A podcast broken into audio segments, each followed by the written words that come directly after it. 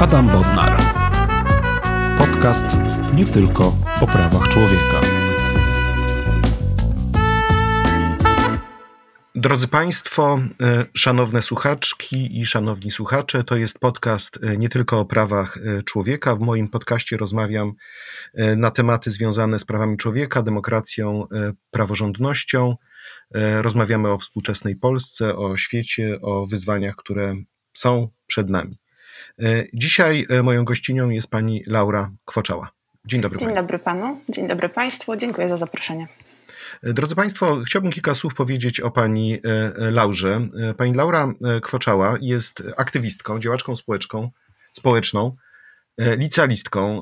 W tym roku zdawała maturę. Jest byłą członkinią Młodzieżowej Rady Miasta w Oleśnicy. Jest na co dzień związana z Ostrą Zielenią, to jest organizacja młodzieżowa współpracująca z Partią Zieloni. Uczestniczyła w młodzieżowych strajkach klimatycznych, była współorganizatorką lokalną tych strajków, uczestniczyła także protestach po wyroku e, Trybunału Konstytucyjnego z 22 października 2020 roku dotyczącego dostępu do legalnej aborcji. No i e, jest, e, myślę, że inicjatorką różnych działań na szczeblu lokalnym, centralnym, o których dzisiaj będziemy rozmawiali, także dość aktywnie uczestniczy w mediach społecznościowych. W ostatnim czasie udzieliła dość dużego wywiadu dla wysokich obcasów, wcześniej dla E, serwisu na temat. I właśnie o tej e, działalności e, młodzieżowej, o tym aktywizmie młodzieżowym chciałbym z panią Laurą porozmawiać. I chciałbym się spytać i od tego rozpocząć, jak to się stało, że pani zdecydowała mm, pójść szerzej w swojej działalności społecznej, no bo przez lata mm, szkolne była Pani związana z samorządem szkolnym, z gazetkami szkolnymi, ale w którymś momencie nastąpił ten przełom, ten moment, kiedy Pani powiedziała: OK, to jest e, ta chwila, kiedy powinnam zrobić e, coś więcej dla świata, dla lokalnej e, społeczności i przekroczyć mury szkolne. Kiedy to się stało? E, myślę, że był to rok 2019 i to właśnie za sprawą szkolnego projektu, do którego bym nie dołączyła, gdyby właśnie nie samorząd szkolny. E, a może cofnę się jeszcze właśnie do samorządu szkolnego, w którym na dobrą sprawę znalazłam się z przypadku, ponieważ e, tak jak już Pan wspomniał, ja zawsze gdzieś jednak starałam się udzielać, natomiast były to dotychczas szkolne gazetki, mm, w których pisałam to, co zaobserwowałam, dawałam upust swoim emocjom i właśnie tym, jak pewne rzeczy odbieram.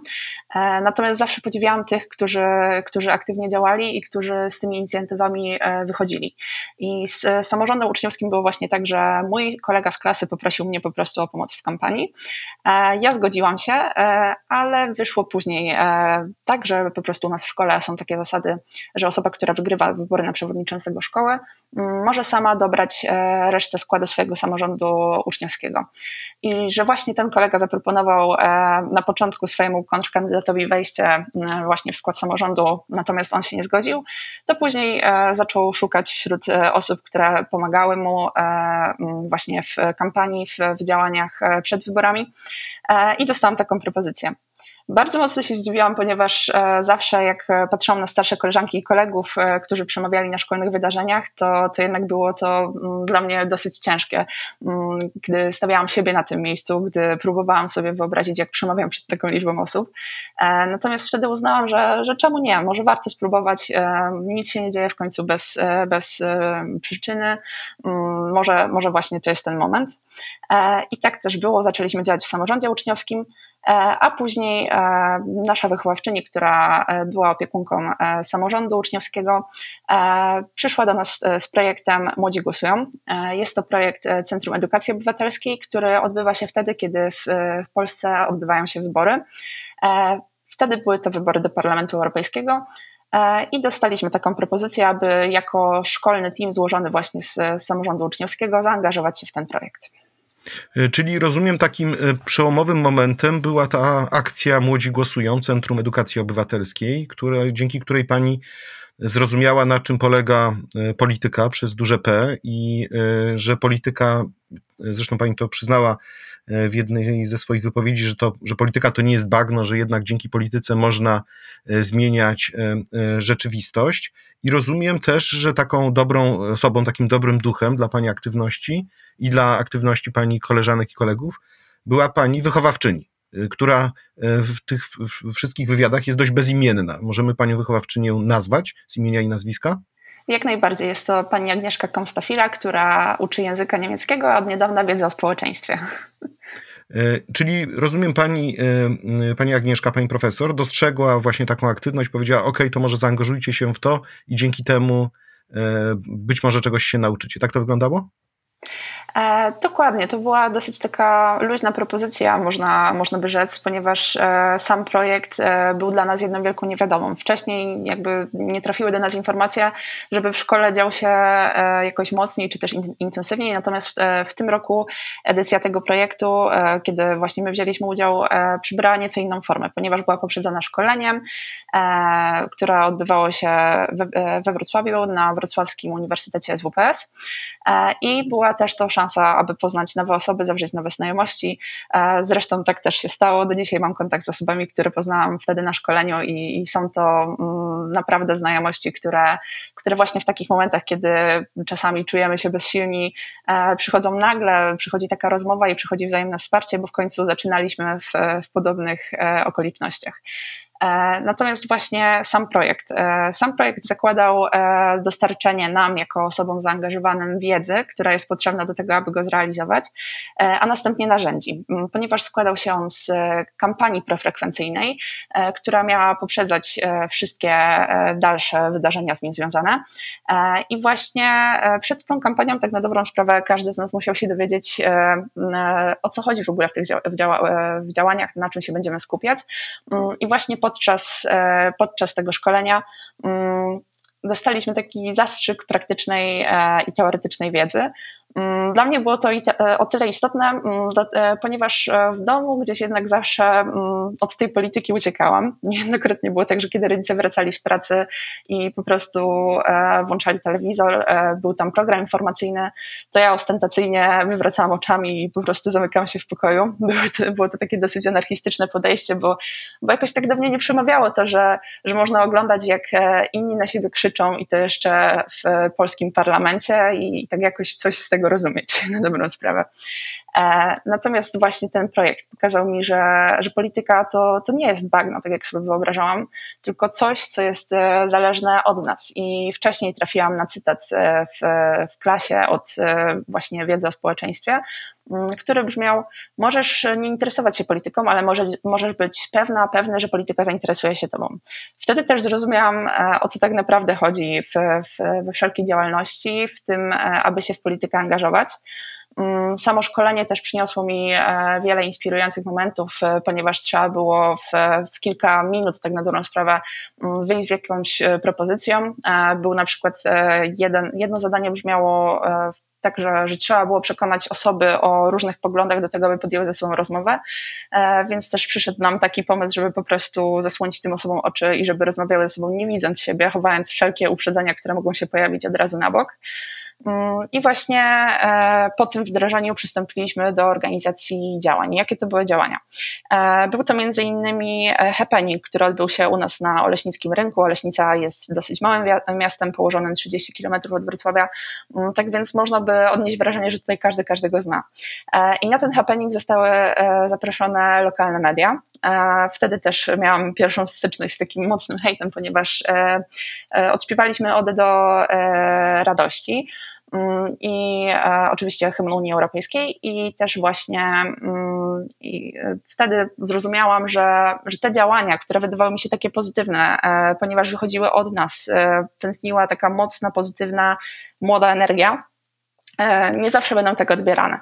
No, to, to, był ten okres, kiedy e, z jednej strony pan prezydent mówił o wyimaginowanej wspólnocie, z drugiej strony wyprowadzono flagi unijne z urzędów publicznych, a z trzeciej strony premier Morawiecki mówił, że Polska jest w sercu Europy, bo trzeba tak było mówić na potrzeby wyboru do Parlamentu Europejskiego.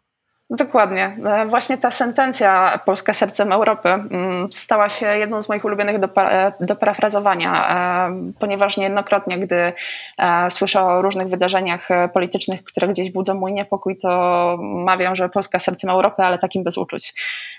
Natomiast Ładnie. właśnie. Zgrabne. Dziękuję. Właśnie wtedy e, też zrozumiałam, że, że ten odbiór e, tych, e, tych po prostu e, naszych inicjatyw zależy od tego, na kogo trafimy. I zostaliśmy wtedy oskarżeni o to, że charakter był proeuropejski i wykluczał osoby o poglądach eurosceptycznych. E, tak więc ten happening raczej nie był tak frekwencyjny, jak zakładaliśmy, e, ale był na pewno przełomowym, przełomowym momentem, który zmobilizował społeczność u nas w szkole, aby przejść dalej. Dalej były właśnie wybory, symulacja wyborów do Parlamentu Europejskiego, mm, którą również trzeba było poprzedzić kampanią, oczywiście bezpartyjną, e, bez takiej konkretnej agitacji, tylko bardziej, aby podnieść świadomość, na kogo swój głos można oddać i w jaki sposób to zrobić. No dobrze, ale to są takie działania jednak bardzo konkretnie związane z tym projektem wyborów do e, Parlamentu Europejskiego, trochę e, dotyczące społeczności szkolnej, już wychodzące poza, poza mury szkoły ale jednak w którymś momencie pani podjęła decyzję, e, żeby robić coś już trochę tak na własny rachunek, to znaczy inicjować swoje własne, bardzo konkretne działania i protestować przeciwko temu, co pani się e, w życiu e, publicznym nie podoba. I czy tym momentem przełomowym był wyrok Trybunału Konstytucyjnego w sprawie aborcji, czy też być może wcześniej już pojawiały się takie inicjatywy, gdzie pani chciała ten swój głos w debacie publicznej na szczeblu lokalnym czy centralnym zaznaczyć? Był to taki moment, którego na dobrą sprawę nie zaobserwowałam, natomiast e, bez wątpienia było to właśnie po projekcie, mm, ponieważ wtedy zrozumiałam, e, że właśnie organizacja protestów, uczestnictwo w nich, czy też e, zaangażowanie w różne projekty, mm, to jest właśnie coś, co, co daje poczucie takiej odpowiedzialności i takiego aktywnego udziału w, w obronie naszych praw, w po prostu wyrażaniu swojego głosu na temat tego, co nam się nie podoba i, i czemu, czemu się sprzeciwiamy sprzeciwiamy. E, natomiast pamiętam swój pierwszy protest i właśnie pierwszy protest e, nie był e, jakkolwiek polityczny, może poza tym, że apelowaliśmy właśnie do polityczek i polityków. I był to młodzieżowy strajk klimatyczny we Wrocławiu, na który przyszłam wówczas ze znajomymi, już wtedy należąc do Ostrej Zieleni. Nie znałam nikogo tak na dobrą sprawę, natomiast zabrałam tam swoją młodszą siostrę. Jest między nami 7 lat różnicy i pamiętam, że po prostu wieczór przed, kiedy ona jeszcze miała kartkówkę, Czyli pani miała wtedy ile? 17 lat, a y, siostra 10? Mhm, dokładnie. I rodzice tak w ogóle bez problemu nie bali się, że coś się stanie? Już nawet nie pani, bo pani sobie poradzi, tak? Ale właśnie młodszej siostrze. Nie, myślę, że nie. To, to też jakby rodziców chyba pocieszyło, że jest ze mną i będzie też większa grupa, że się spotykamy na miejscu, a wtedy też nie było takich problemów e, z, z młodzieżowymi strajkami, e, jakie obserwujemy teraz, gdy, gdy młodzież właśnie wychodzi z, ze swoimi wydarzeniami. Mm, natomiast właśnie e, pamiętam, że, że moja siostra, która wieczór przed e, malowała swój transparent e, i która stanęła tam i zaczęła śpiewać proklimatyczne piosenki razem z innymi uczestniczkami i uczestnikami, mm, wtedy zrozumiała, że, że wcale te protesty, ta polityka, o, o czym gadam, rozmawiam w domu, mm, to, to, to nie jest tak złe, jak może się wydawać, bo mm, to, to też, e, co zawsze mnie, e, mnie w niej zaskakuje, ona ma tą dziecięcą wrażliwość, która, która właśnie dotyczy aspektów związanych e, z walką z kryzysem klimatycznym, czy też właśnie z dobrostanem zwierząt i jest taką moją codzienną inspiracją, kiedy brakuje mi sił do, za, do zaangażowania się w konkretne inicjatywy. Każda osoba, która jest zaangażowana w życie publiczne e, i czasami e, zdarza się, że uczestniczy bądź organizuje demonstracje, e, pamięta doskonale moment pierwszego przemówienia. Dla mnie ten moment, powiem szczerze, przyszedł dość późno, ponieważ ja zacząłem organizować demonstracje w zasadzie, do, ja byłem bardziej takim, powiedziałbym, działaczem, który zajmował się prawami człowieka z zabiórka, no nie tylko z zabiórka, ale też spotykając się z ludźmi, prowadząc różne sprawy sądowe, oczywiście przemawiałem w sądzie nieraz. E, natomiast jeśli chodzi o demonstracje, to pamiętam, że przemawiałem kiedyś e, pod ambasadą Azerbejdżanu. I to było dla mnie dość takie przeżycie, tak, że jednak się stoi w miejscu publicznym, e, ma się ten megafon, jest jakaś grupa ludzi, która popiera, wspiera, coś tam się skanduje, E, natomiast, e, ale są też osoby wokół, które mogą się przyglądać. Jest gdzieś policja z boku, która się przygląda przebiegowi e, demonstracji, zabezpiecza demonstrację. Dla mnie to była demonstracja właśnie pod ambasadą Azerbejdżanu, gdzie apelowaliśmy o uwolnienie więźniów politycznych. Dość taka osobista historia, ponieważ tak się zdarzyło z dnia na dzień, że dowiedziałem się, że moi koledzy, z którymi prowadziłem różne sprawy, i którym pomagałem w Azerbejdżanie, nagle trafili do więzienia. Także uznałem, że to jest moja rola, żeby właśnie pod ambasadą być i zgromadzić trochę osób. Też swego czasu organizowałem demonstrację pod ambasadą Federacji Rosyjskiej w kontekście uwięzienia Michała Chodorkowskiego. I pamiętam doskonale te uczucie, jak to jest, jak się przemawia. Czy pani pamięta, jak to u pani wyglądało? Pamiętam, to było już prawie rok temu. E, był to protest e, solidaryzujący z, z osobami, które padły ofiarami e, rasizmu w Stanach Zjednoczonych po, po zabójstwie George'a Floyda. Mm, I był to też moment, w którym tak na dobrą sprawę zrozumiałam, że, że mogę pisać posty na Facebooku, mogę w dalszym ciągu pisać swoje artykuły, natomiast pozostaje to e, tekst, a tekst niejednokrotnie nie oddaje tych emocji, które oddaje e, głos, który drży, które oddaje krzyk, e, które oddaje e, nasza rozpacz, tak na dobrą sprawę, bo te emocje e, towarzyszą za każdym razem, kiedy się przemawia w, w takich sprawach.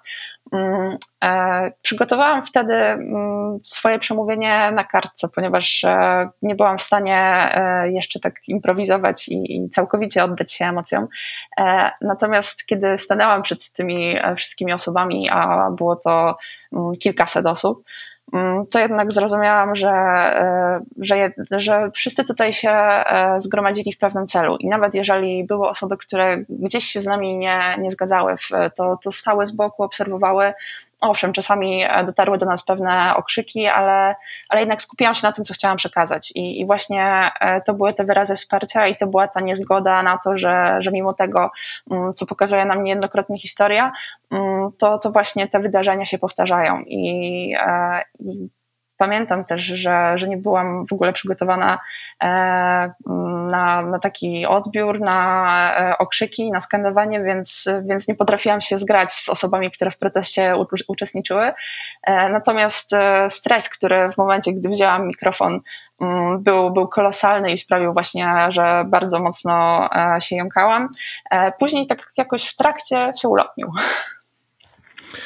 I rozumiem, że to jest też taki trochę stres, y, no bo jak się domyślam, pani oceny ma raczej y, dobre i bardzo dobre. I pewnie to jest trochę taki stres związany z tym, że jak tu być prymuską, powiedzieć coś profesjonalnie i merytorycznie, a jednocześnie trafić do emocji. Czyż, czyż tak nie jest? Wbrew pozorom, co do ocen, bywa z nimi różnie, dlatego e, o odbiór mm, nie do końca martwiłam się przez pryzmat tego, jak ocenią mnie znajomi, czy też osoby, które wiedzą, czego się po mnie spodziewać.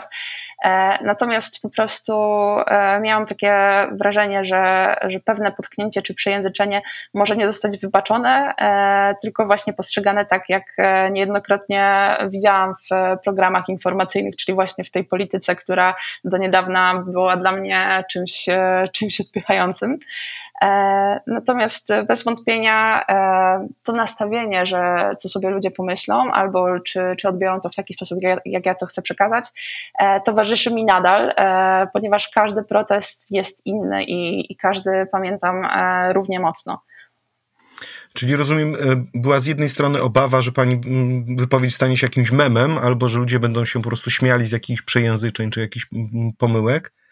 Natomiast to, co panią spotkało, to nie tyle śmiech z tego powodu, co raczej szacunek, ale z drugiej strony też hejt, tak? I to tylko, nie tylko ze względu na udział w tej czy w innych, w innych demonstracjach, ale także ze względu na różne inne yy, wypowiedzi publiczne i, i działania. Jak pani przeżywała pierwsze oznaki hejtu? Na czym to polegało? Pierwsze oznaki e, hejtu pojawiły się na Twitterze za sprawą wpisu, który E, o ile dobrze pamiętam, mm, potępiał, e, potępiał e, którąś, tak, tak, to, to była wypowiedź, homofobiczna wypowiedź prezydenta. Mm, czyli, czyli już jesteśmy na etapie kampanii prezydenckiej czerwiec 2020 roku, kiedy pan prezydent podpisuje kartę praw rodziny i zaczyna mówić o osobach LGBT. E, tak, i wtedy też e, pamiętam, że wrzuciłam e, wpis na Twitterze. Oczywiście z tym hejtem spotykałam się wcześniej i za chwilkę do tego wrócę, natomiast e, był to ten moment, w którym mm, ten hejt e, przeszedł, przeszedł dotychczasową skalę, ponieważ e, jakby przeszedł na prywatny profil na Facebooku, co też zachęciło mnie do tego, aby, aby jednak gdzieś mm, aż tak nie upubliczniać swojego życia, gdyż pamiętam, że moja rodzina również oberwała, że tak to nazwę, gdy, gdy po prostu lokalne media e, cytowały e, ten, e, ten wpis i, i posty na Facebooku, ponieważ zgrywało się to wtedy z protestem LGBT to ludzie, które, które miało miejsce we Wrocławiu i które współorganizowałam. I wtedy też były to dosyć bezpośrednie wyzwiska, które nawet nie skupiały się na samej treści, czyli na czymś, co byłam w stanie jeszcze zrozumieć, ponieważ e, no, słowa mają to do siebie, że nie każdy je odbiera w ten sposób, jaki my chcemy przekazać i, i też e, często bywają polem właśnie do, do interpretacji e, takiej, że, że osobom, którym się to nie podoba, mm, po prostu da, dadzą one swój upust temu niezadowoleniu. E, ale wtedy też e, pojawiły się maile, pojawiły się pogróżki, które zignorowałam i dopiero po czasie do nich wróciłam e, z nastawieniem, że w sumie nie jest to coś, coś co mm, powinno mnie aż tak przejmować. Bo pamiętam, że kiedy pojawiła się groźba, o której wspominałam w rozmowie z na temat właśnie, czyli zejdź mi z oczu zanim cię rozjadę, mm, to dosyć mocno mną to wstrząsnęło. Mm, nie wiedziałam tak na dobrą sprawę, czy, czy to nie, nie będzie miało miejsca w rzeczywistości, bo jednak jeśli gdzieś e, e, zabiera się głos w ważnych sprawach, staje się po, po pewnej części e, osobą publiczną, mm, to nasze, nasze życie jest w jakiś sposób obserwowane i, i wszelkie aspekty, które gdzieś wiążą się z naszym życiem prywatnym również. Mm, dlatego te słowa, słowa, które płynęły na prywatnych wiadomościach na Twitterze, pokroju, że lepiej faktycznie, gdybym przykład z moich koleżanek i kolegów, e, osób nieheteronormatywnych, które odebrały sobie życie właśnie przez homofobię, mm, to byłoby na tym świecie lepiej, mm, sprawiły, że, że miałam takie poczucie niesprawiedliwości, że, że ktoś takie rzeczy pisze, i mimo to pozostaje bez kary. I wtedy też właśnie e, przed tą rozmową e, pojawiły się takie wątpliwości, czy, czy w sumie ja powinnam na to reagować, ponieważ każda osoba publiczna spotyka się z czymś takim. Być może zostanie to jeszcze bardziej negatywnie odebrane niż, niż mm, gdybym, gdybym to zignorowała, jako taka mm, chęć po prostu zasłonięcia z tego, że, że jest się osobą hejtowaną. Natomiast pojawiła mi się z tyłu głowy taka myśl. Co gdyby trafiło e, to na mnie, gdybym miała gorszy dzień, e, gorszy stan, samopoczucie, lub trafiłoby to na osobę, która e, cierpi e, na zaburzenia, na przykład choruje na depresję i, i, dla niej ta nienawiść, z którą na przykład spotyka się w życiu codziennym i która nagle by się pojawiała w internecie, mogłaby być zabójcza. I właśnie tę perspektywę chciałam przedstawić, że często na Twitterze mamy mm, do czynienia z osobami, które polityką się nie zajmują i które często są moimi rówieśniczkami i rówieśnikami i po prostu piszą tak, jak myślą i one nie są przygotowane na to, że zaraz przyjdą zwolennicy drugiej strony i nie zwrócą uwagi, że to nie jest profil polityczny e, i że to jest dosyć prywatna refleksja, mm, tylko po prostu z automatu zaczną się wiadomości takie, jakie spotkały mnie. No ale pani już była na tyle doświadczona e, w życiu publicznym, e, żeby wiedzieć, że Twitter to nie jest no, narzędzie komunikacyjne dla, przepraszam, że tak powiem, ale dla grzecznych e, przedstawicielek i przedstawicieli młodzieży, tak to może, żeby już tutaj nie używać innej, innej frazy, e, i że ta debata na Twitterze jest niezwykle nacechowana e, emocjami i wręcz no, ludzie się wręcz nakręcają tym takimi swoistymi tak zwanymi shitstormami, prawda, które powstają ze względu na jedną czy drugą wypowiedź. Także może trzeba było poszukać jakiejś innej formy komunikacyjnej, a nie tak od razu do pana prezydenta poprzez e, Twittera? E, przyznam szczerze, że ja e, co do Twittera bardzo, bardzo długo się broniłam i miałam do niego kilka podejść. Zakładałam go, obserwowałam później te wypowiedzi, więc wygaszałam konto. Natomiast w pewnym momencie stwierdziłam, że Nie, to jest ten moment, kiedy po prostu na te wszystkie słowa, na tą wzajemną nienawiść, czy też właśnie na wypowiedzi, które są nacechowane krzywdzącymi stereotypami, które piętnują osoby zmagające się z zaburzeniami chorującymi psychicznie, wypowiedzi homofobiczne, czy też tak na dobrą sprawę te psztyczki w nos, które często jedna strona uważa za słuszne, a tak na dobrą sprawę dostają rykoszetem osoby, y, których y, te wypowiedzi dotyczą, mm, na to trzeba reagować. I też y, mm, pojawiały się takie głosy, żebym na te hejty nie reagowała, abym w polemikę nie wchodziła, e, szczególnie jeśli widzę, że ktoś jest już z automatu negatywnie nastawiony. Natomiast te dyskusje, mam wrażenie, też jednak wzmocniły E, moje poczucie co do tego, że, że hejt jest taką nieodłączną częścią tej działalności i, i trzeba się z tym pogodzić. E, natomiast e, Pamiętam też taki moment, w którym, kiedy moich znajomych też namawiałam, żeby tego Twittera założyli, bo, ponieważ wysłałam im screeny, a oni też zbytnio nie wiedzieli o co chodzi, E, to właśnie mój serdeczny kolega z Ostrej Zieleni, Wiktor Miazek, e, posłuchał mnie, a niedawno zdjął kłódkę, którą miał kilka miesięcy na profilu, ponieważ gdy zaproponował pomysł, aby konta weryfikować za pomocą dowodów e, tożsamości, aby właśnie uniknąć tych troll kont, fake kont, które na tak masową skalę sieją tę nienawiść, no spotkał się z jeszcze większym hejtem. Hmm. Ale rozumiem, że teraz jest Pani już na takim etapie, że takie podstawowe elementy tego pancerza obronnego, tej zbroi E, potrzebnej na, na e, dyskusję w mediach społecznościowych ma Pani już e, wytworzone? Moja personalna zbroja jak najbardziej, natomiast w dalszym ciągu uderza mnie mowa nienawiści, która nie jest skierowana do mnie, w, czy też w kontekście mojej wypowiedzi, a w, właśnie do osób mi bliskich. E, mama, tata, siostra, czy też właśnie babcia, o której wspominałam w jednej z rozmów. Mm, ponieważ... Zaraz do babci dojdziemy, bo to jest moim zdaniem bardzo ważny aspekt tej, e, tych pani wypowiedzi. Bardzo rzadki, myślę, że rzadka perspektywa. Tak, e, ponieważ właśnie e, wtedy zrozumiałam, że, że chciałabym, aby skoro moja działalność e, jest jakby moją inicjatywą i, i to są moje słowa, to abym tylko i wyłącznie ja była za to oceniana, ale tak się nie da, ponieważ kiedy osoby zauważają, że, że po prostu nie są w stanie gdzieś dopiec mi, czy też sprawić, że, że ten hejt, na który jeszcze kilka miesięcy temu bym jak, w jakiś sposób zareagowała, czy doprowadziłby do tego, abym się jakoś osunęła w cień, nie reaguje, to sięgają właśnie po coś, co, co boli jeszcze mocniej. E, I, I, właśnie myślę, że to jest jeden chyba z największych problemów, że często mam takie poczucie, mm, że cieszę się z tego, w którym miejscu jestem i że faktycznie zaczęłam działać, natomiast mam dosyć tego, że obrywa się osobom, które z tą moją działalnością zbyt wiele wspólnego nie mają. E, chciałbym teraz przejść do Pani e, mm, aktywności i zastanowić się nad tymi różnymi obliczami tej mm, działalności społecznej. I trochę już politycznej, no bo jednak Ostra Zieleń e, przecież nie, nie odżegnuje od kontaktów e, e, z Partią Zieloni.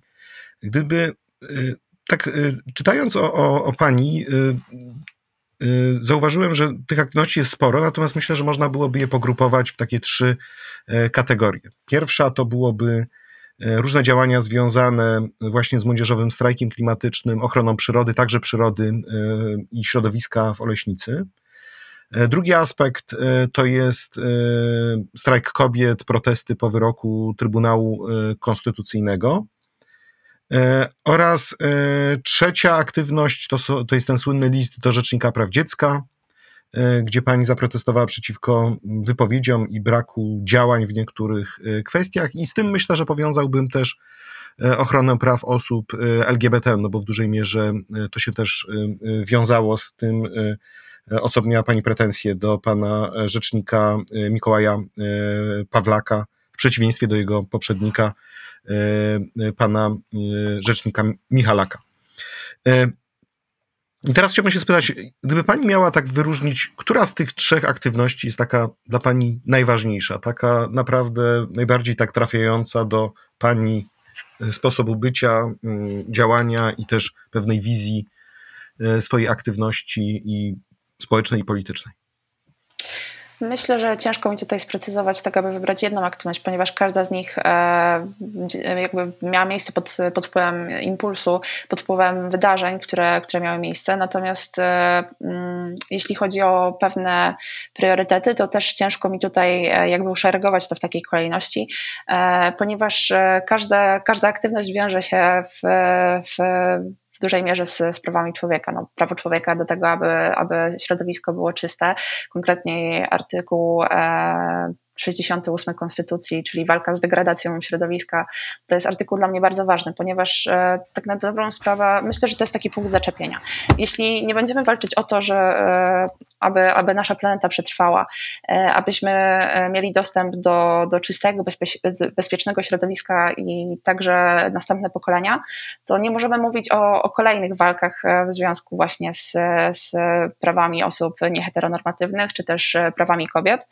Mm, uh, I to jest taki właśnie punkt wyjściowy, do, który chyba mam wielki żar, e, że, że jednak e, często ginie właśnie pod, pod naciskiem e, innych wydarzeń, ponieważ jak najbardziej trzeba na wszystko reagować, ale mm, znajdujemy się w momencie, w, w którym kryzys klimatyczny jest już na tyle silny, na tyle widoczny, że, że jeszcze troszkę, jeśli już to nie jest ten moment i znajdziemy się w, w, w takim, na takim etapie, gdzie po prostu katastrofę klimatyczną możemy sobie sami odkładać odkładać w czasie i nie dopuszczać jej do swoich myśli. E, jest to coś, na, na co bez, bez wątpienia trzeba reagować, e, tylko właśnie z tą reakcją. E, niejednokrotnie widzę, że polityczki i politycy podkreślają, że jest to dla nich ważny temat.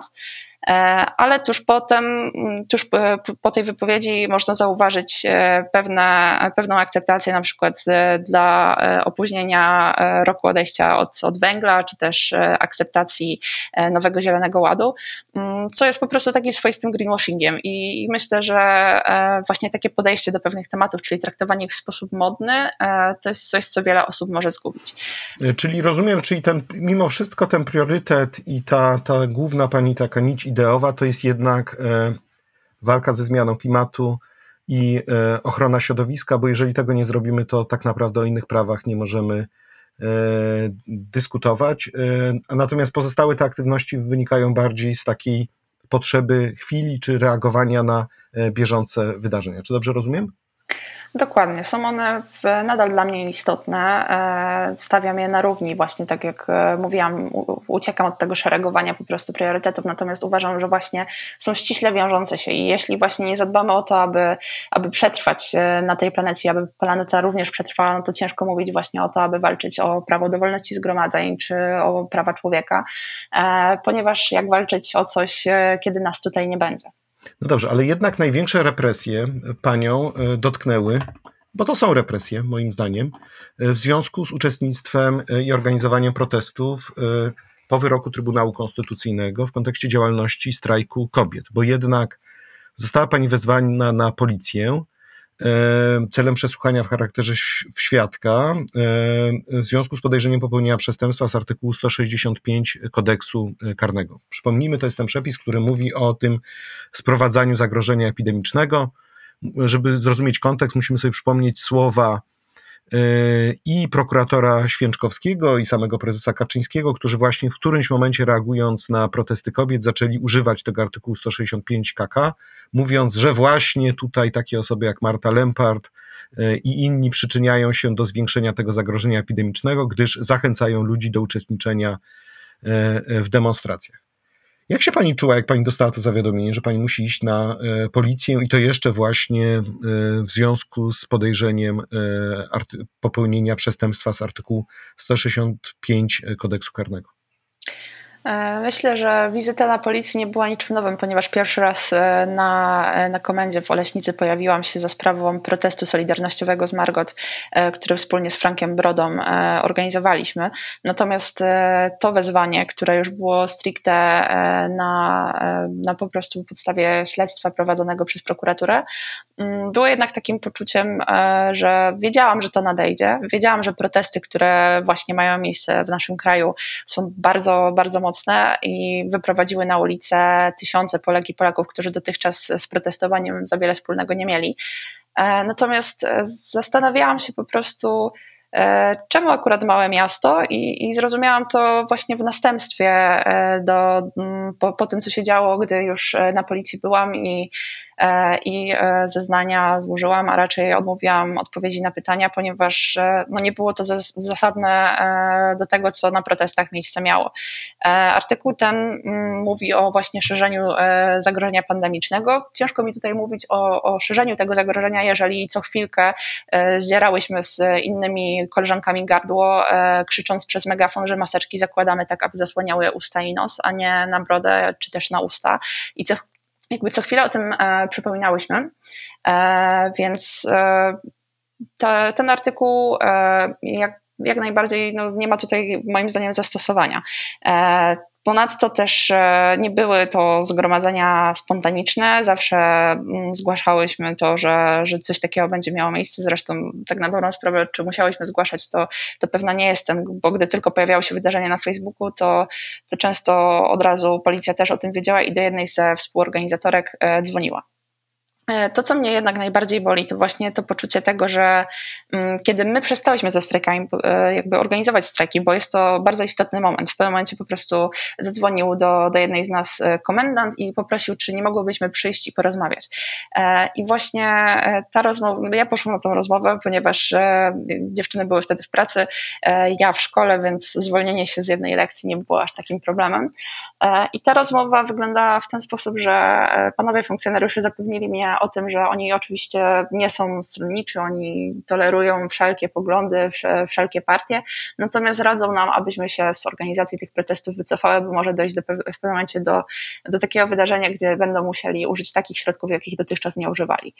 Mm, co sobie wtedy pomyślałam? Mm, że powtórzą się sceny z Warszawy i to w tak małej miejscowości, a tego bardzo nie chciałam, e, bo ile ja sama byłam na to przygotowana, to były tam moje rówieśniczki i rówieśnicy, były osoby starsze, były osoby kompletnie nieprzygotowane na coś takiego, e, na, na, metody, na, na metody działania wobec osób protestujących niezgodne z prawem. No, policja by powiedziała, że to wszystko byłoby zgodne z prawem. Oni by powiedzieli, absolutnie e, środki przymusu bezpośredniego możemy używać, a jak komuś złamaliśmy rękę, to przecież wina tej dziewczyny, bo się po, pojawiła na demonstracji. Mogła nie przychodzić, to nie, nie nasza wina, że jej rękę połamaliśmy. No, niestety, to, to chyba jest najsmutniejsze, bo pamiętam e, też taką sytuację, kiedy e, już po protestach w Oleśnicy e, pojechałam współorganizować protest e, we Wrocławiu, który e, był reakcją na słowa ministra Czarnka dotyczące właśnie strajków kobiet. E, I wtedy też e, był to protest, e, który był organizowany właśnie przez młodzież. Mm, stałam z megafonem, którego oczywiście zapomniałam odbezpieczyć, wyjąć plomby, żeby, żeby w ogóle zaczął działać, ale już go podniosłam i zobaczyłam, że nie działa, to stwierdziłam, że dobrze, no, no nie będę krzyczeć, no bo nie mam jak. Mimo to podeszła do mnie policja i powiedziała, że założycie tego megafonu, no niestety muszę zostać spisana i zobaczymy, co dalej będzie. I wtedy też e, rzuciłam, może, może tak trochę bezrefleksyjnie, że nie, no spokojnie, w związku, w związku z tym, że w moim mieście ściga mnie prokuratura, to, to chyba nie jest to aż tak e, złe. I, i reakcja panów e, funkcjonariuszy była bezcenna, ponieważ zapadło takie milczenie i później prośba o dokument. Aha, czyli że skoro już pani jest tutaj zainteresowanie organów władzy, to już panią można, e, można spisać, tak? E, no zresztą mamy przypadek Kacpra Lubiewskiego z Opola, który miał sprawę o to, o to że popełnił e, wykroczenie w związku z używaniem megafonu w przestrzeni publicznej i sprawa trafiła do sądu dla, do nieletnich, to była sprawa o demoralizację miałem szczęście przeczytać postanowienie sądu, które brzmi jak laurka dla pana Kacpra, ponieważ sąd najpierw przez pół strony opisuje, że jest laureatem wszelkich możliwych olimpiad, e, stypendystą marszałka województwa i że to wszystko, co robi w ramach strajku klimatycznego, to jest jak najbardziej uzasadnione. E, także no myślę, że to jest niestety ten, ten pech, że, że aktywiści, aktywistki młodzieżowi padają ofiarą no, tych e, wskazówek z góry e, płynących, że należy w taki określony sposób się zachowywać i stąd ta presja. A myśli pani, że to, że Oleśnica jest miastem Beaty Kępy, mogło mieć wpływ na postawę policji w stosunku do wszystkich aktywistów i aktywistek prezentujących nietypowe, niezgodne z linią partii podejście?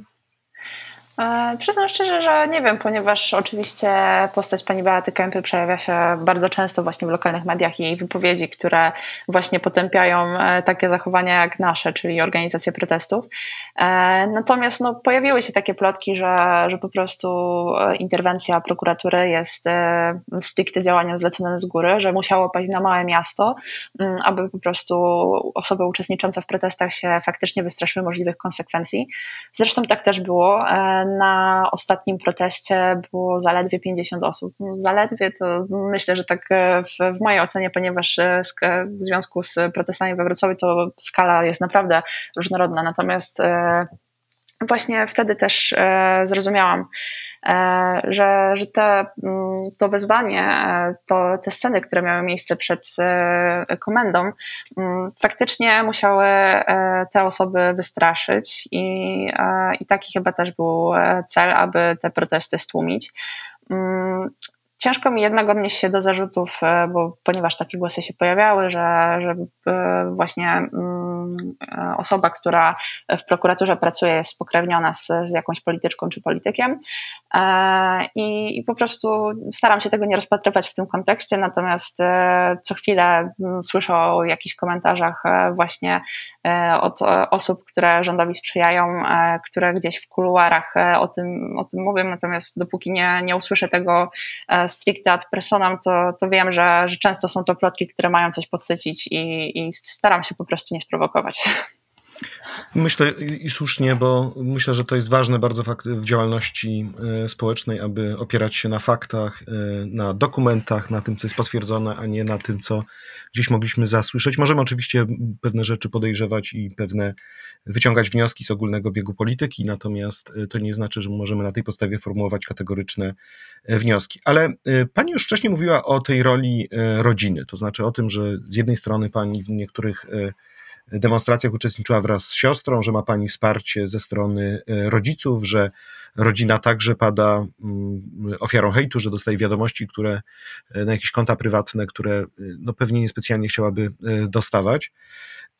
Natomiast mm, mam wrażenie, że dla pani taką bardzo ważną osobą jest babcia, z którą pani rozmawia na tematy zarówno propagandy rządowej, jak i na tematy na przykład obecności osób LGBT w życiu e, publicznym. Czy pani mogłaby opowiedzieć, na czym ta właśnie relacja z babcią e, polega i dlaczego jest ta relacja dla pani ważna? E, ta relacja jest o tyle dla mnie ważna, ponieważ e, z babcią miałam dosyć e, mocny kontakt w dzieciństwie. Babcia była osobą, która tak na dobrą sprawę nauczyła mnie, jak czytać książki, tak aby, aby faktycznie były one pewnymi drogowskazami. A jakie to były książki? Tak, przynajmniej z dwa tytuły, jakby pani wymieniła. Cóż, z, z, bajek pamiętam, że był to Tupcio Chrupcio i jeszcze Akademia Pana Keksa, zanim była lekturą w szkole. E, natomiast właśnie to postrzeganie książek sprawiło, że w pierwszej klasie szkoły podstawowej przeczytałam całą serię Harry'ego Pottera i to jest babci osiągnięcie, którym się chwali nadal wśród znajomych, że, że w tak młodym wieku całą serię i to jeszcze dosyć trudną, jak na ten wiek, e, pochłonęłam i do dzisiaj e, wspominam ją z, z nostalgią. I właśnie te rozmowy, które na początku dotyczyły książek, później już wchodziły na takie tematy światopoglądowe. I właśnie tak jak opisywałam w, w rozmowie dla wysokich obcasów. E, moją e, rozmowę z babcią na temat e, tego, mm, że po prostu w kilka, kilkadziesiąt lat temu już, jakby nie patrzeć, jej koleżanka mieszkała z, z osobą nieheteronormatywną, która bała się przyznać do swojej orientacji, bała się tego, że zostanie oceniona i w zamian za to właśnie dostała dach nad głową od tej osoby, żeby po prostu była taką przykro mi to mówić, ale przykrywką, sprawiło, że e, coraz częściej z babcią poruszałam takie tematy, że, jest to przykre, że na tym świecie trzeba się bać e, tego, jak inni zareagują na to, kim się jest, kogo się kocha i, i jak na dobrą sprawę e, się utożsamiamy. I, ale w pewnym momencie ta relacja mm, dosyć osłabła, mam wrażenie, i, to, i te tematy, które zaczęły nas różnić, to, to płynęły najczęściej na podstawie newsów, które pojawiały się w wiadomościach. A to, jakie są newsy w wiadomościach, to myślę, że, że nie muszę przypominać, bo jednak e, nagłówki e, często przebijają się same i mówią same za siebie. E, I, I, też w momencie, kiedy organizowałam protest. Może na przykład spróbujmy taki nagłówek stworzyć. Bodnar tęczowy rzecznik przepytuje lewacką aktywistkę? Jeszcze może finansowaną przez Sorora, to, o, to, to już wtedy o, w ogóle. Już mamy komplet. Tak, to już mamy dwie linijki. Dobrze, ale wiemy o co chodzi. Dokładnie. E, wtedy też e, jakby babcia do mnie zadzwoniła i się zapytała, czy ja to w ogóle jakoś jestem w tym LGBT, czy to jest taka organizacja coś ale bardziej radykalna, ponieważ ona w telewizji przeczytała, e, usłyszała po prostu i przeczytała też na pasku, że no, LGBT to jest ideologia, ponieważ tutaj jakaś aktywistka kogoś bije, tutaj się takie rzeczy dzieją i ona ma pewne wątpliwości, czy to jest na pewno dla mnie właściwe. E, no i ja babci powiedziałam, że niedawno właśnie współorganizowałam protest e, z, w LGBT to ludzie mm, I, i ten protest właśnie był reakcją na słowa prezydenta. Babcia powiedziała, że przecież prezydent nic złego nie powiedział, miał do tego prawo. Ja mówię, ale babciu, ty na pewno słyszałaś to, co on powiedział? I tak jakoś e, ta rozmowa to była jednak mała sprzeczka, E, więc gdy do babci przyszłam i po prostu puściłam jej całą wypowiedź, szerszy kontekst, a nie wycięty fragment, który, który gdzieś miał po prostu odnieść się według mediów e, do pewnej postawy, to babcia zrozumiała, że, że jednak nie może bezgranicznie ufać temu, co wierzy i słyszy, tylko zawsze to lepiej skonsultować z kimś, kto może jednak bieglej e, obsługuje też inne media, czy też e, nadąża za newsami w internecie.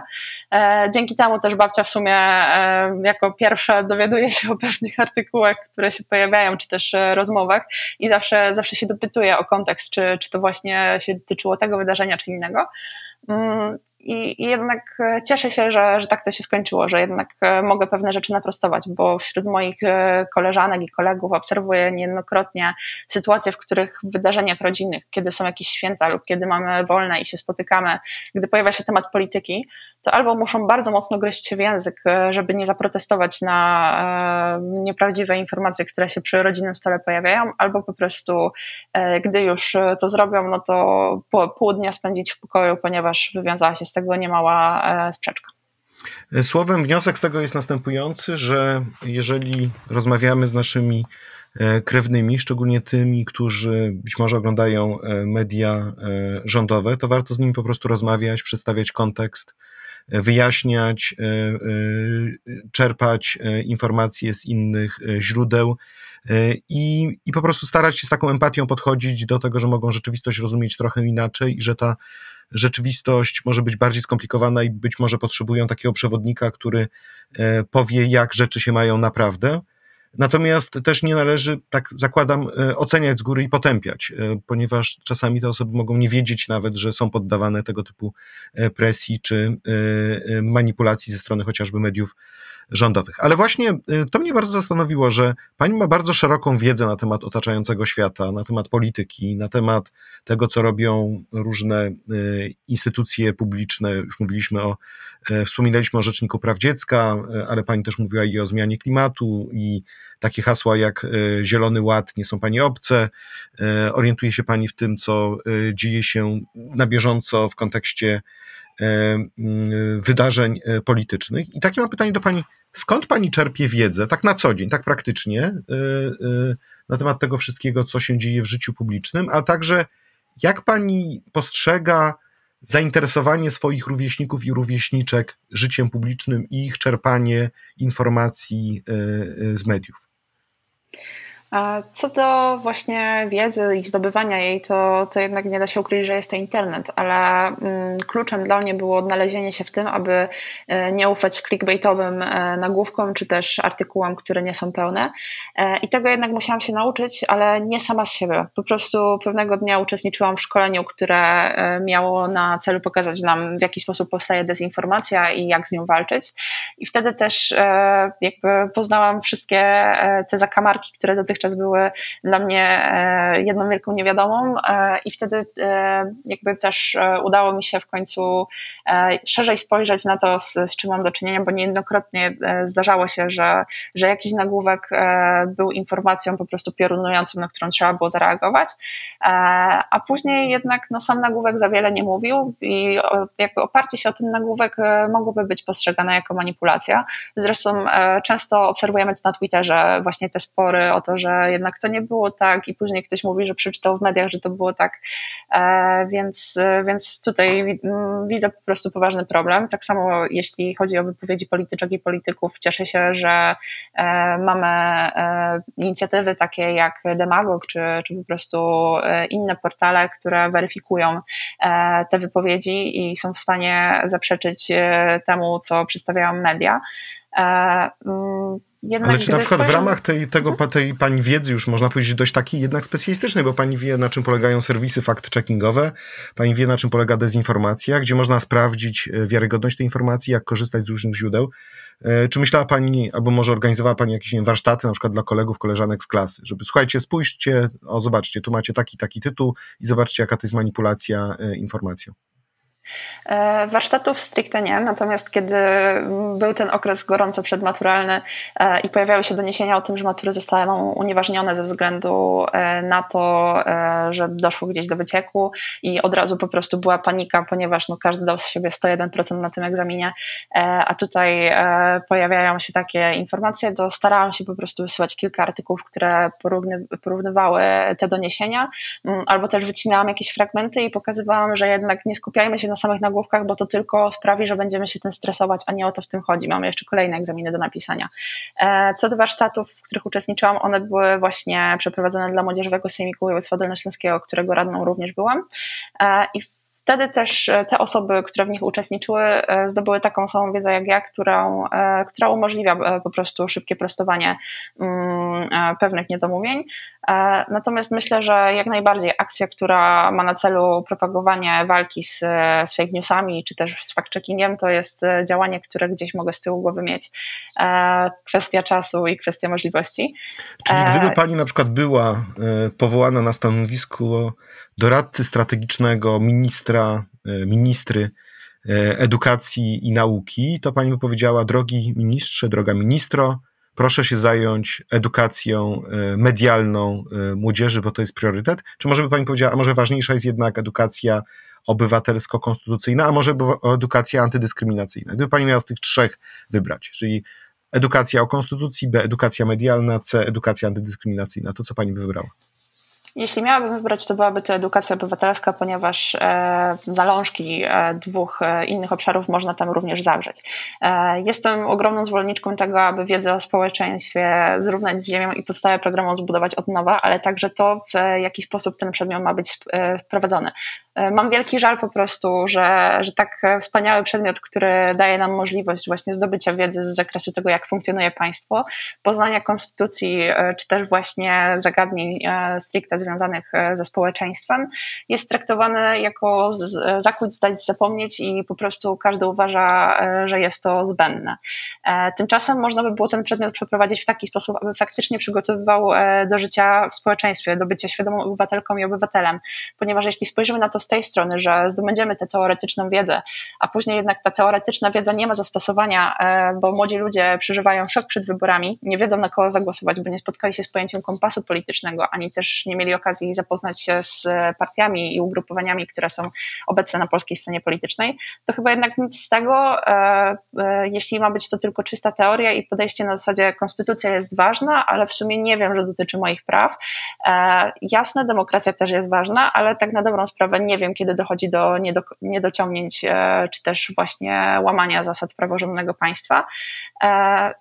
I też właśnie takie zaangażowanie. Jestem zdania, że, że ten przedmiot naprawdę ma potencjał, aby być przeprowadzony w ten sposób, że od tej teorii oczywiście w całości się nie odejdzie, ale można zastosować ją właśnie w formie takiego projektu społecznego, który dał mi możliwość rozwoju i poznania tej polityki i aby był to projekt, e, który jest pewne, pewnego rodzaju zaliczeniem. Wtedy też mam wrażenie, że zaangażowanie młodych osób byłoby zdecydowanie większe. Jeśli chodzi o zaangażowanie młodych ludzi, to e, chciałbym jeszcze wrócić do tego, co panią spotkało, e, bo pani na pewno bardzo przeżyła te protesty po wyroku Trybunału Konstytucyjnego. E, do dzisiaj pani przeżywa ze względu na e, to, chociażby to przesłuchanie na policji i w sumie to, że przecież jest to jeszcze wątek niezakończony. Jakby pani mogła powiedzieć, co spowodowało, że ta energia po wyroku Trybunału Konstytucyjnego wygasła? Czy być może jeden z tych czynników to jest takie poczucie, że chcielibyśmy maksymalizować zysk z protestu, czyli skoro protestujemy, to powinna nastąpić zmiana, czy być może te represje miały skutek, a być może jest to taki przygasły wulkan, który za chwilę i tak wybuchnie ze zdwojoną siłą. Myślę, że, że w każdej e, z hipotez jest tak e, na dobrą sprawę e, wiele, wiele słuszności, dlatego że mm, strach przed represjami to jest z pewnością coś, co miało miejsce w Oleśnicy i co sprawiło, że, że jednak te protesty wygasły u nas. Wiem to z, z bezpośrednich rozmów z uczestniczkami i uczestnikami. Natomiast też jednak to poczucie bezsilności, że, że protestujemy, że, że robimy kilometry, że zdzieramy gardła, dostajemy niejednokrotnie gazem prosto w twarz, e, a jednak e, wpływ jest zerowy, to, to właśnie ta bezsilność, która, która sprawiła, że, że mieliśmy to poczucie mm, braku, braku sprawczości, e, również, również zdemotywowała wiele osób. Aczkolwiek jestem zdania, że, że właśnie ta energia, te emocje, które towarzyszyły nam na ulicach, mm, to nie jest coś, co pojawiło się jednorazowo, tylko jeśli znowu dojdzie do, do takiego momentu, który poruszy tysiące Polek i Polaków, a jak wiemy, takich sytuacji jest e, coraz więcej i zdarzają się coraz częściej, to, to te protesty nigdy nie będą takie same. One dotychczas były, można powiedzieć, nieliczne w porównaniu do strajków kobiet, e, ale jednak e, mam wrażenie, że obudziła się nowa energia i nowa siła, która, która będzie nam towarzyszyć w dalszych działaniach obywatelskich. W swoich działaniach obywatelskich pani nie jest sama.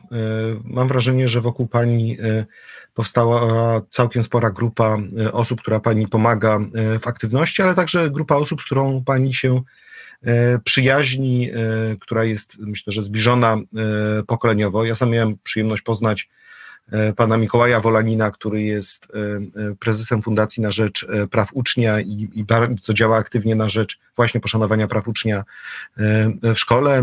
Wiem też, że pani współpracuje z Frankiem Brodą, tym słynnym siostrzeńcem premiera Morawieckiego.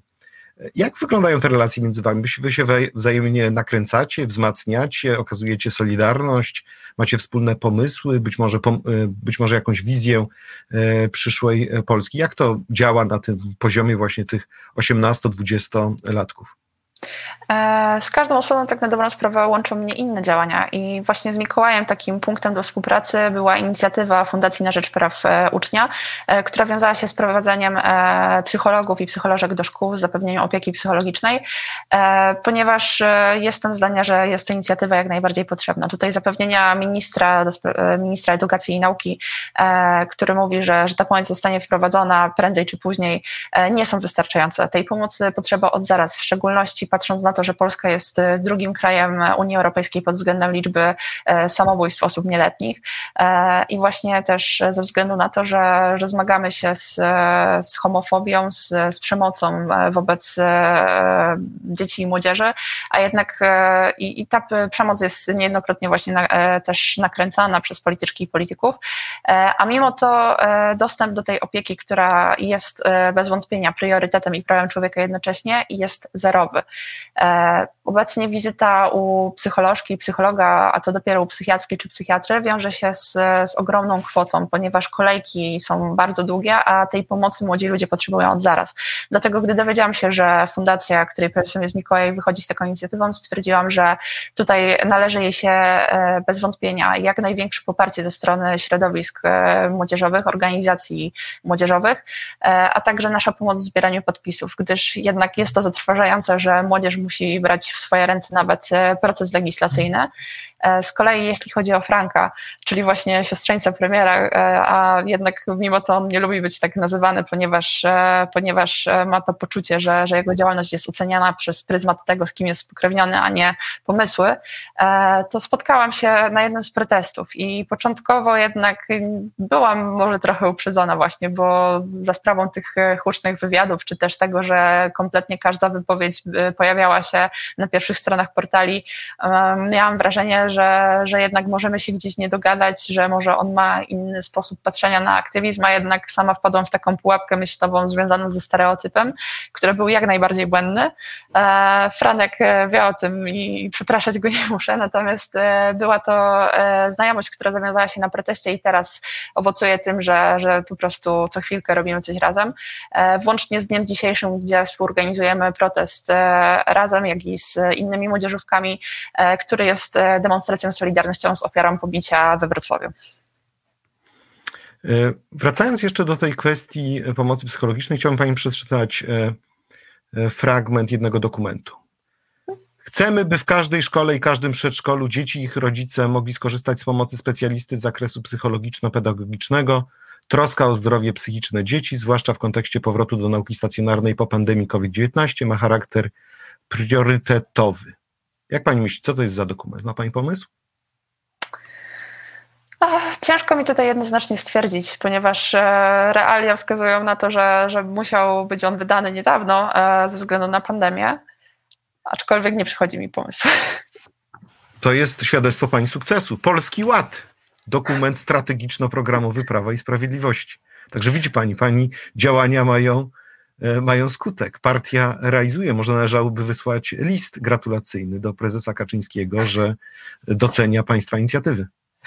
Powiem szczerze, że, że teraz sobie uświadomiłam, że jednak jest to Polski Ład, który niedawno miałam okazję komentować, ale mm, cóż, jakby to ująć. E, Polski Ład, e, jak go oceniałam, ma to do siebie, że jest po prostu kolejnym programem, który ma na celu zapewnić e, wygrane wybory e, i implikowanie takich projektów, które już spotkały się z, z tak na dobrą sprawę działalnością młodzieży do, do programu wyborczego, czyli właśnie czegoś, co zrealizujemy, jeśli wy nam pozwolicie, jest poniżej pasa, ponieważ to nie jest postulat, który, którym się wygrywa wybory. To jest podstawowe prawo, aby zapewnić zapewnić e, dzieciom i młodzieży od zaraz e, e, specjalistyczną pomoc, ponieważ z całym szacunkiem tego, że jest to słuszny pomysł, on musi być wdrożony już teraz, a nie rozciągnięty w czasie maksymalnie jak się da.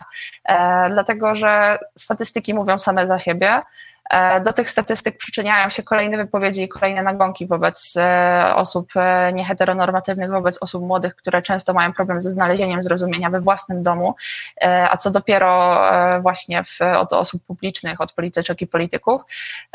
Tak więc jak najbardziej pomysł słuszny. Bardzo się cieszę, że działania dzieci i młodzieży zostały zauważone.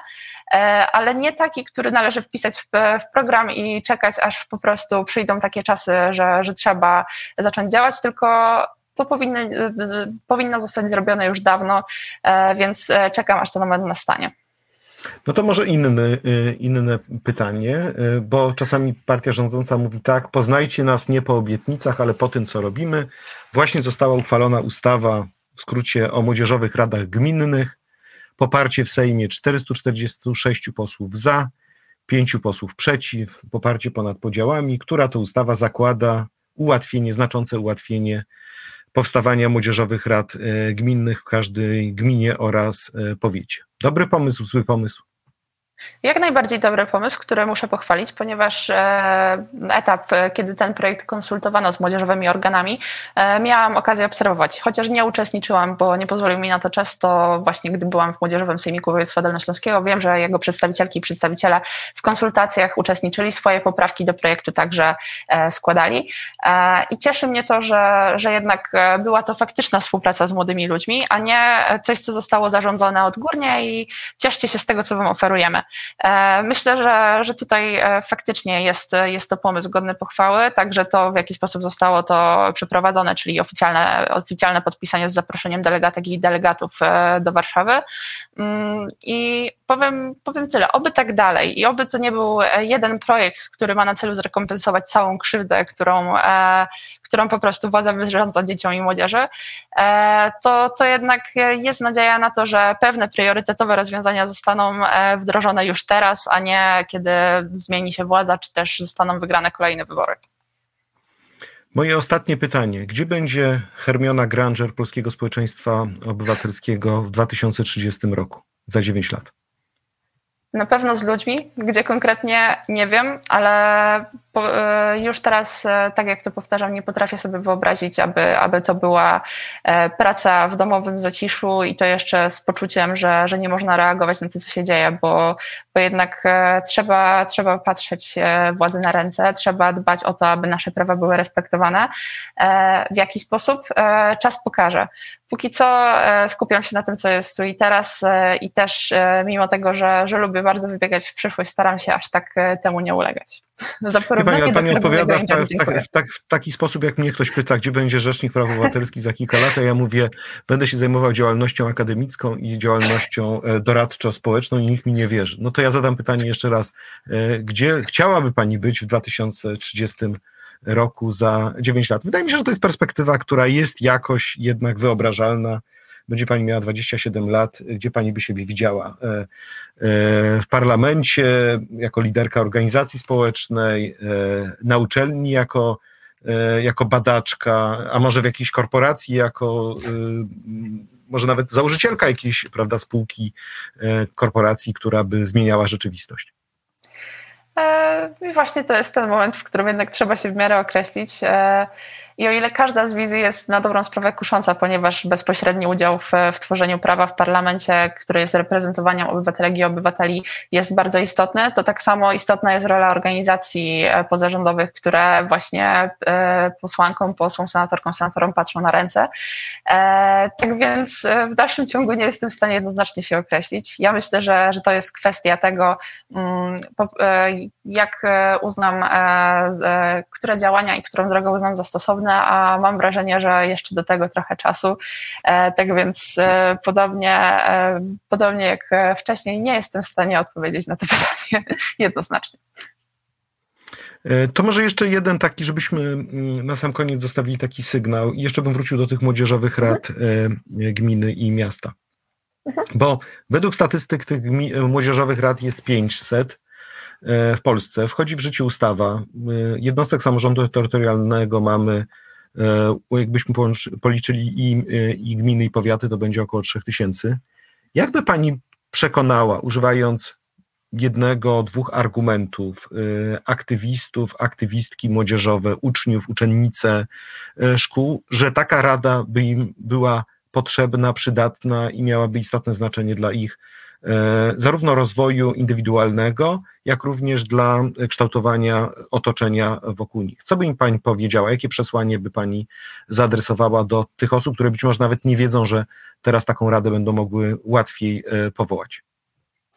E, przede wszystkim chciałabym, abyście spojrzały i spojrzeli na to z tej strony, że, że jest to wpływ, jest to wasze zaangażowanie w, w tą małą ojczyznę, w której się wychowujecie obserwujecie i w to, że możecie uczynić ją jeszcze lepszą. Na pewno obserwujecie to, co właśnie dzieje się u Was w mieście, w gminie, czy też nawet e, na wsi i pewne rzeczy chcielibyście zmienić.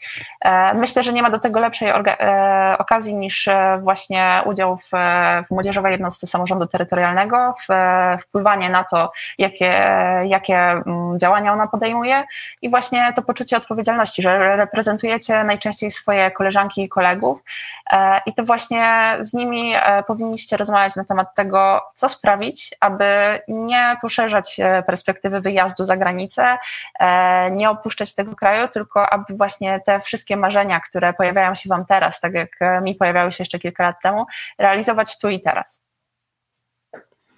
Bardzo serdecznie dziękuję. Drodzy Państwo, moją gościnią była pani Laura Kwoczała, aktywistka młodzieżowa związana z różnymi inicjatywami i E, organizacjami, e, osiemnastolatka, która właśnie zdaje e, maturę. Życzę powodzenia w, oczekiwaniu na wyniki i w tym, i w realizacji dalszych pasji i zamiarów życiowych. Jeszcze raz dziękuję za rozmowę. Dziękuję bardzo i do zobaczenia na obywatelskiej drodze. Adam Bodnar. Podcast nie tylko o prawach człowieka.